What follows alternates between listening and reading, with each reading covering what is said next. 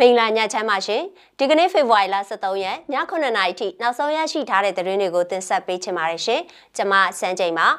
မွန်ပြည်နယ်မှာနယ်မြေစိုးမိုးတော့မှာဖြစ်ကြောင်းပြည်သူတွေကို YSDF ကအသိပေးတဲ့အကြောင်းပင်လုံသဘောတူညီချက်ကို NUG ကအကောင့်ထဲဖော်သွားရမယ်လို့ကချင်ခေါင်းဆောင်ကပြောတဲ့အကြောင်း မန္တလေးတိုင်း PDF ကဗိုလ်ချုပ်မွေးနေ့အမှတ်တရအဖြစ် COVID-19 ကာကွယ်ဆေးထိုးတဲ့အကြောင်းနဲ့တောင်တကုံ82ရက်ကွက်အုပ်ချုပ်ရေးမှုနေအိမ်မိုင်းခွဲခံရတဲ့အကြောင်းတွေကိုတင်ဆက်ပေးသွားမှာပါရှင်။ပထမဆုံးတင်ဆက်ပေးခြင်းတဲ့သတင်းကတော့မွန်ပြည်နယ်ရေးမော်လမြိုင်အဝေးပြေးကားလမ်းမကြီးပေါ်မှာရှိတဲ့စံပြကျေးရွာအနီးမှာ YSDF တပ်ဖွဲ့ကခရီးသွားပြည်သူတွေကိုမိတ်ဆက်ပြီးတော့နယ်မြေစိုးမိုးတော့မှာဖြစ်ကြောင်းအသိပေးခဲ့တယ်လို့သိရပါဗျ။ ဒီကနေ့ဖေဖော်ဝါရီလ23ရက်ပိုးချုပ်မွေးနေ့မှာခီးသွားကအစီး20ခန်းကပြည်သူတွေကိုမိတ်ဆက်ပြီးတော့ပြည်သူတွေကလည်းလက်သုံးချောင်းထောင်ပြီးတော့အားပေးသွားကြောင်း Yes Special Task Forces YSDF ပြန်ကြားရေးတာဝန်ခံကပြောပါတယ်။ YSDF တပ်ဖွဲ့ရဲ့ထုတ်ပြန်ချက်ရုပ်သံမှာလက်နက်ကိုစီလွှဲထားတဲ့တော်လန်ရေးတပ်သားတွေပါဝင်တဲ့စစ်ကြောင်းတစ်ခုကိုတွေ့ရပြီးပြည်သူနဲ့ရင်းနှီးငြိမ်းချမ်းစွာတွေ့ဆုံပြီးပြန်လာတဲ့တပ်ပေါင်းစုစစ်ကြောင်းဖြစ်တာကိုတပ်ဖွဲ့ခေါင်းဆောင်လို့ယူဆရသူတအုပ်ကရှင်းပြထားပါတယ်။ကျွန်တော်တို့ကိုပြည်သူကလက်ခံနိုင်သလားလက်မခံဘူးလားဆိုတာစမ်းသပ်တဲ့သဘောပါ။ပြည်သူအများစုကလက်သုံးချောင်းထောင်ပြီးတော့အားပေးတယ်လို့တချို့ဆိုငိုကြတယ်သူတို့အားရလို့စကားတော့အကြာကြီးမပြောလိုက်ရဘူးလို့ YSDF ပြန်ကြားရေးတာဝန်ခံကပြောပါရယ်ရေးမြို့နယ်မှာရှိတဲ့စစ်ကောင်စီတပ်ကိုလက်နက်ကင်တော်လှန်နေတဲ့တပ်ဖွဲ့တွေစုပေါင်းပြီးတော့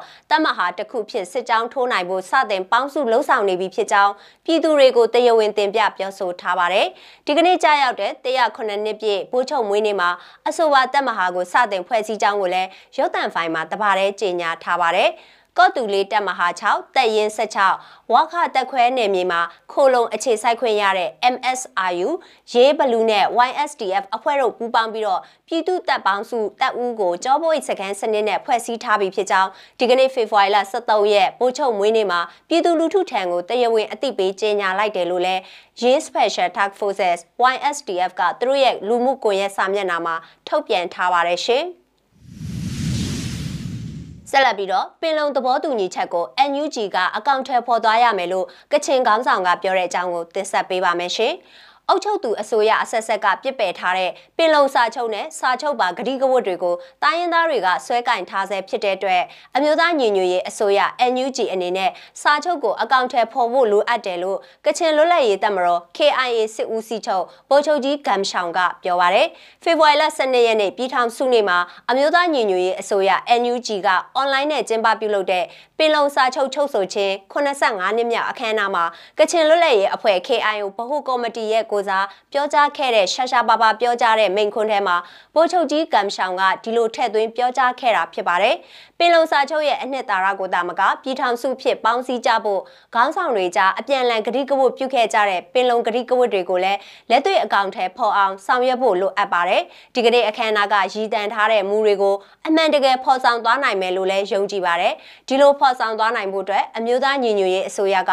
ဥဆောင်ဥရွက်ပြုတာဝန်ယူရမှာဖြစ်တယ်လို့တောင်တန်းဒေသနဲ့တိုင်းရင်းသားအင်အားစုတွေကလည်းပူးပေါင်းပါဝင်ဖို့အရေးကြီးပါတယ်။အမျိုးသားညီညွတ်ရေးအစိုးရ NUG ကိုဖွဲ့စည်းပေးခဲ့တဲ့ဗမာအပါဝင်တိုင်းရင်းသားလူမျိုးပေါင်းစုံပါဝင်တဲ့အမျိုးသားညီညွတ်ရေးအတိုင်းပင်ခံကောင်စီ NUCC ကလည်းစစ်အာဏာရှင်အပါဝင် အာဏာရှင်စနစ်မှန်သမျှချုပ်ငြိမ်းရေးပင်လုံစာချုပ်ပင်လုံကတိကဝတ်နဲ့ Federal Democracy ပြည်ညံအခြေခံမှုတွေအပေါ်အခြေပြုတဲ့ညီညွတ်ရေးကတိကဝတ်တွေကိုအကောင့်ထဲပေါ်ရေးလူမျိုးကြီးဝါဒချုပ်ငြိမ်းရေးတို့ကိုဖော်ဆောင်မဲ့အပြင်တိုင်းရင်းသားပြည်သူတရက်လုံးကလိုလားတဲ့ Federal Democracy ပြည်ထောင်စုကိုအမှန်တကယ်တည်ဆောက်နိုင်တဲ့အထိမစုံမနစ်ကြိုးပမ်းလှုံ့ဆော်သွားမယ်လို့ပင်လုံစာချုပ်ချုပ်ဆိုခြင်း85နှစ်ပြည့်သဘောထားထုတ်ပြန်ချက်ထဲမှာပြောဆိုထားပါတယ်။အမျိုးသားညီညွတ်ရေးအစိုးရ NUG ကဒီကနေ့ကျင်းပပြုလုပ်တဲ့85နှစ်မြောက်ပင်လုံစာချုပ်ချုပ်ဆိုတဲ့အခမ်းအနားမှာအရင်အစိုးရအဆက်ဆက်ကကျင်းပပြုလုပ်ခဲ့တဲ့ပြည်ထောင်စုနေ့လို့မဟုတ်ပဲပင်လုံစာချုပ်ဂတိကဝတ်အနှစ်သာရတို့ကိုထင်ဟပ်မှုရှိတဲ့ပြည်ထောင်စုနေ့ဖြစ်သတ်မှတ်နိုင်တယ်လို့ဗိုလ်ချုပ်ကြီးကမ်ရှောင်ကဆိုပါတယ်။ အရင်အစိုးရအဆက်ဆက်ကပင်လုံစာချုပ်နဲ့ပြည်ထောင်စုနဲ့ပေါ်ထားရှိတဲ့သဘောထားခံယူမှုတွေနဲ့ပတ်သက်လို့ဗိုလ်ချုပ်ကြီးကမ်ရှောင်ကအစိုးရအဆက်ဆက်ဟာပင်လုံစာချုပ်ပင်လုံကတိကဝတ်ရဲ့အနှစ်သာရကိုဖုံးကွယ်ထားပြီးတိုင်းရင်းသားစီလုံးညီညွတ်ရေးအချုပ်ချာတည်တံ့ခံမြဲရေးပြည်ထောင်စုမပြိုကွဲရေးစတဲ့ဥတီချက်နဲ့အယောင်ဆောင်ပြည်ထောင်စုနေအခမ်းအနားကိုကျင်းပပြုလုပ်ခဲ့ကြတယ်။ဒါဟာတောင်တန်းနေတိုင်းရင်းသားတွေကိုကိုလိုနီကျွန်းအဖြစ်သတ်မှတ်ပြုမူတာလည်းဖြစ်ပါတယ်လို့ပြောပါတယ်။ဒ သူကဒီပြည်ထောင်စုရဲ့ရည်မှန်းထားတဲ့အနှစ်သာရကတော့လွတ်လပ်မှုတရားမျှတမှုဒန်းတူညီမျှမှုကိုအာမခံတဲ့ပြည်ထောင်စုဖြစ်ပါတယ်။အမျိုးသားဒန်းတူရေးနဲ့ကိုပိုင်ပြဋ္ဌာန်းမှုတွေကို အာမခံတဲ့ပြည်ထောင်စုကိုတည်ထောင်ဖို့ဖြစ်ပါတယ်။ဒါပေမဲ့အစိုးရအဆက်ဆက်ကခေါင်းဆောင်တွေကပင်လုံစာချုပ်ကိုအကောင့်ထဲပေါ်ဖို့ပြက်ကွက်ခဲ့ကြလို့အခုလိုတိုင်းရင်းသားလူနည်းစုတွေကိုပိုင်ပြဋ္ဌာန်းခွင့်နဲ့အမျိုးသားဒန်းတူရေးကိုဆုံးရှုံးခဲ့ကြသလိုစစ်အာဏာသိမ်းမှုကြောင့်ဒီမိုကရေစီစနစ်ပါပြတ်သုံးခဲ့ရပါတယ်။1948ခုနှစ်မှာချုပ်ဆိုခဲ့ကြတဲ့ပင်လုံစာချုပ်ရပေါ်ပေါက်လာခဲ့တဲ့ ပြည်ထောင်စုမြန်မာနိုင်ငံတော်ဟာဆိုရင်အမိအားဖြင့်တော့ပြည်ထောင်စုလို့ခေါ်ထားပေမဲ့လက်တွေ့မှာတပြည်ထောင်စနစ်ကိုအခြေခံရေးဆွဲထားတယ်လို့ပြောပါရယ်မြန်မာနိုင်ငံမှာရှိတဲ့အုပ်ချုပ်သူအစိုးရအဆက်ဆက်ကအကောင့်ထဲမဖော်ပဲပြစ်ပယ်ထားတဲ့ပင်လုံစာချုပ်ကိုပင်လုံမှာပါဝင်လက်မှတ်ရေးထိုးခဲ့ကြတဲ့ကချင်ချင်းရှမ်းစတဲ့တောင်တန်းဒေသကတိုင်းရင်းသားလူမျိုးတွေကပင်လုံစာချုပ်ပါသဘောတူညီချက်နဲ့ Federal စနစ်ကိုအခြေခံတဲ့ပြည်ထောင်စုကြီးကိုတည်ဆောက်နိုင်ဖို့မျှော်မှန်းပြီးတော့ဆက်လက်ကြိုးစားနေတယ်လို့ဆိုပါတယ်။ ဒီပြည်ထောင်စုကြီးကိုတည်ဆောက်နိုင်ဖို့အတွက်အမျိုးသားညီညွတ်ရေးအစိုးရ NUG ရဲ့တာဝန်ယူတာဝန်ခံမှုနဲ့အတူတိုင်းရင်းသားအင်အားစုတွေကလည်းပူးပေါင်းပါဝင်ဖို့လိုအပ်တယ်လို့ဗိုလ်ချုပ်ကြီးကမ်ရှောင်ကပြောပါတယ်ရှင်။ နောက်ထပ်တင်ဆက်ပေးချင်တဲ့သတင်းကတော့ဒီကနေ့ဖေဖော်ဝါရီလ23ရက်မှာကြာရောက်တဲ့109နှစ်မြောက်ဗိုလ်ချုပ်အောင်ဆန်းမွေးနေ့အမှတ်တရအဖြစ်မန္တလေးတိုင်းပြည်သူ့ကာကွယ်ရေးတပ်မတော် MDY PDF ရဲဘော်တွေ COVID-19 ကာကွယ်ဆေးထိုးခဲ့ကြောင်းထုတ်ပြန်ထားပါတယ်။ကာကွယ်ဆေးကိုဆေးရဝင်2ဦး၊တူနာပြု2ဦးနဲ့ MDY PDF ဆေးသက်သား9ဦးပူးပေါင်းထိုးနှံပေးခဲ့ကြောင်းပြန်ကြားရေးတာဝန်ခံရဲဘော်မိုးကျိုးကပြောပါတယ်။ဒါက၄ချိန်မြောက်ပါကျွန်တော်တို့တင်တန်းတက်တဲ့ရဲဘော်တွေကိုကာကွယ်ဆေးကအပြည့်ထိုးဖြစ်ပါတယ်။ရဲဘော်ဘော်ဦးရေ1300ကျော်သွားပါပြီဗိုလ်ချုပ်မွေးနေ့ကိုဂုံပြူတဲ့အနေနဲ့ထိုးဖြစ်သွားတာပါဆေးကတော့အိန္ဒိယဆေးပါလို့သူကပြောပါတယ်